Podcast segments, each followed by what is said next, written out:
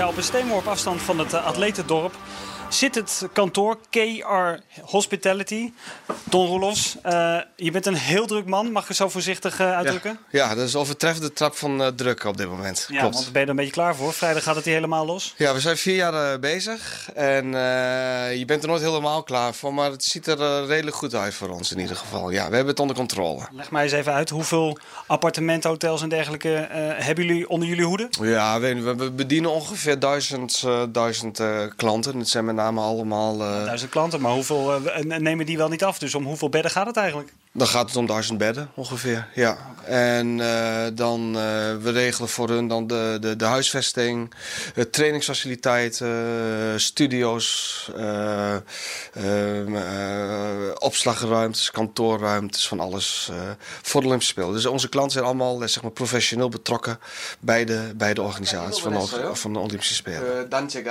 그 동네 kookhotel.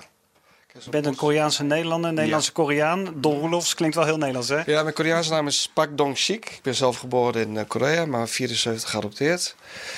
En uh, sinds, uh, sinds 2001 weer werkzaam in Korea. Ik, ik, heb het vaak gecombineerd met het leven in Nederland. Maar de laatste paar jaar met name door de spelen ook dat ik hier nu continu, eigenlijk permanent woon. Ja, en je bent vier jaar geleden helemaal in dit project gestapt om hier tijdens de Olympische Spelen ja, iets op te zetten. Vier jaar geleden was hier eigenlijk helemaal niks. Ja. Um, ja, was het evident dat dit allemaal wel klaar zou staan? Ja, dat was inderdaad de vraag ook. Want we zijn inderdaad bij een aantal plekken geweest waarvan we dachten van... oh mijn god, kijk, hoe krijgen ze dat in godsnaam uh, in vier jaar tijd allemaal klaar? Maar het is, uh, in ieder geval is de, de infrastructuur... en met name voor sportfaciliteiten en, uh, en, en wegen en, en, en, en, en, en, zeg maar openbaar vervoer... dat is allemaal verder heel goed geregeld. En dat hebben ze echt in een record tempo gedaan. Het Athletes Village, waar we dus eigenlijk nu tegenover staan...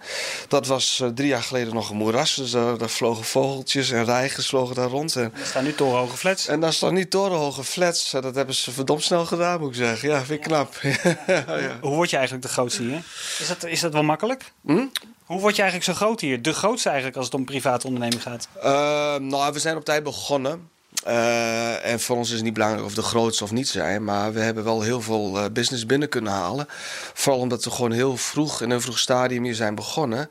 En uh, heel veel research hebben gedaan over de mogelijkheden. Want je moet je voorstellen, zo'n Olympische Spelen wordt georganiseerd in een gebied. wat gewoon op alle gebieden niet klaar voor is. Qua mentaliteit niet, qua infrastructuur niet, helemaal niets. Wat wij eigenlijk niet zo vinden passen bij onze gedachten over Korea. Dan denken wij, oh, ja, nee, dat staat nee. allemaal wel klaar, tip op geregeld. Klopt, ja, nou ja, dan heb je het over de stad als Seoul of Busan. Hè. Als daar wordt georganiseerd is verder geen probleem. Dan, dan, dan dus zouden hier dus niet? Nee, want als, we, als het in Seoul was ge geweest... dan hadden we waarschijnlijk nooit uh, kans gehad om hier uh, überhaupt uh, leuke business uit te halen. Dan had je, dan had je, dat, dat is allemaal veel beter geregeld.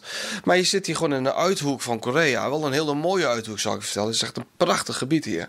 Maar er stond niks? Maar er stond niks. En er was niks. En de mensen hier waren het ook helemaal... en eigenlijk nu nog steeds niet... nog helemaal niet klaar voor, voor wat er allemaal gaat komen. Je ziet hier de mensen hun ogen uitkijken. Terwijl, ja, terwijl ze eigenlijk al gewoon zes jaar lang weten dat hier de spelen plaatsvinden. Ja. Jij bent dus op tijd hier ingestapt, hebt groot kunnen worden, uh, hebt de contacten hier uh, goed voor elkaar. Zijn heel veel van dat soort bedrijven hier veel te laat ingestapt? Ja, vind ik wel. Dus we hebben heel veel, uh, zeg maar onze Koreaanse concurrenten. Die zijn allemaal zeg maar een jaar geleden. En dan merkte je in één keer dat ze hier bezoek kwamen brengen.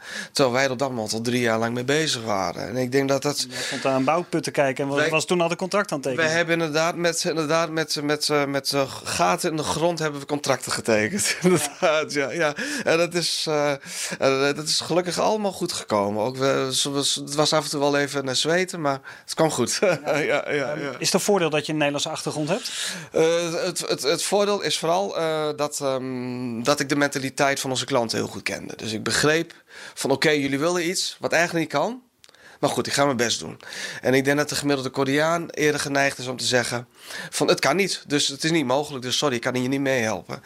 Ik denk dat dat de reden is waarom klanten uiteindelijk, uh, ook klanten die verdwenen, die kwamen uiteindelijk ook weer terug bij ons. Want die hadden dat met anderen geprobeerd en die komen uiteindelijk toch weer terug. Je kon twee werelden met elkaar combineren? Ja, letterlijk. Ja, ja, we konden het goed combineren. Je moet heel creatief zijn en je moet inderdaad af en toe een beetje brutaal zijn. En je moet dingen doen. die... Dat Nederlandse wel van pas. Ja, ja nou precies. Dus dat, uh, Dat had ik bij, bij dat is een paar keer is dat inderdaad heel goed, heel, goed uitgekomen.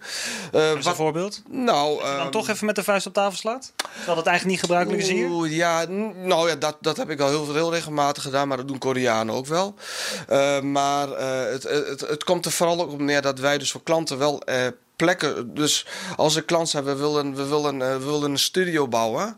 Uh, en dan moet, hij, moet een mooi uitzicht hebben op het stadion. En uh, ja, dat is natuurlijk wel heel lastig om dat te vinden. Maar wij hebben op een gegeven moment ergens gewoon een dak vonden. We zagen, we gingen ergens op een dak klimmen.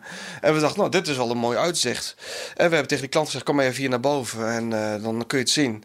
En ze hebben het genomen. En daar, daar, daar bouwen zij nu hun studio op. Mm. Ja, dat zijn dingen daar hebben Koreanen of toch wat meer moeite mee. Je moet een beetje brutaal zijn ook. Want je moet dan zeggen tegen zo'n gebouweigenaar... Goh, kan ik even op je dak? Want het lijkt wel... Misschien is het wel een mooi uitzicht. Ja, ja, ja. ja. Wat is eigenlijk onze ja, grootste misvatting over Zuid-Korea? Uh, nou, je hebt Zuid-Korea, je hebt Seoul en je hebt Busan als hele grote steden die heel modern zijn. Maar alles daarbuiten is eigenlijk allemaal een stukje minder modern. Dat is natuurlijk wel een. Wat zeg je dan voorzichtig? Nou, ik zeg het, ik zeg het niet omdat ik het, omdat ik het uh, kritiek vind. Want ik vind het op zich ook wel. Ik vind het zelf persoonlijk heel erg leuk om hier te wonen en, en te werken. Uh, ik kom zelf uit Enschede, of tenminste ben ik erop gegroeid. Dus ja, dan ben ik, ik kom uit een klein stadje. Dus ik vind het wel fijn om hier uh, afgelopen twee jaar lekker in zo'n klein stadje te wonen. Kan je ook Turkisch? ik versta het heel goed. Ik spreek het nauwelijks, maar ik versta het wel heel goed. Ja, ja, Wie, zijn eigenlijk, wie zijn eigenlijk jouw klanten? media is heel groot, internationale media. Dat heb ik met name over de, de, de, de, de tv mensen. Dus die zitten, sommigen zitten hier al meer dan een jaar van tevoren al. En dan heb ik het wel echt over duizenden mensen die hier al gewoon al meerdere maanden hier aan het werk zijn. Uh, we hebben een aantal grote uh, sportteams hebben wij. Een aantal kunstschaatsteams hebben we onder onze hoede. een aantal skiteams. En die, die hebben dan zeg maar hun trainingsfaciliteit en ook hun verblijf buiten het atletendorp ingepland. Dus die hebben mhm. extra budget mhm. en kunnen daardoor buiten het atletendorp. Dus dat zijn sportteams. Daarnaast ook veel NOC's, dus de Nationale Olympische Comité's. Mhm. De Amerikanen doen, eh, nemen veel bij ons af. De Japanners, uh, de Duitsers in mindere mate. En uh, ja, die zoeken dan, die zoeken dan nationale huizen, zoiets als het Heinekenhuis, dat zoeken zij dan. En, maar ze zoeken natuurlijk ook voor al hun medewerkers kantoorruimtes, behuizing, opslagruimtes, logistieke centra. Dus dat, dat, dat, dat, voor, zover, voor zover dat natuurlijk binnen onze mogelijkheden lag, gingen wij voor ze op zoek. En we vonden ook vaak wel leuke plekken. Maar echt door het hele land heen hoor. Dus niet alleen hier in dit gebied, maar we zaten overal. Tot slot, um, ja, als je natuurlijk iets nieuws uh, gaat bouwen, hotels, appartementencomplexen, dan loop je ook wel tegen dingen aan. En wat zijn nou van die typische Pyeongchang-kwaaltjes? Uh, mensen zijn ook greedy. Hoe zeg je dat in het Nederlands ook alweer? Ze zijn uh, gierig, ja. Mensen zijn niet gierig geworden.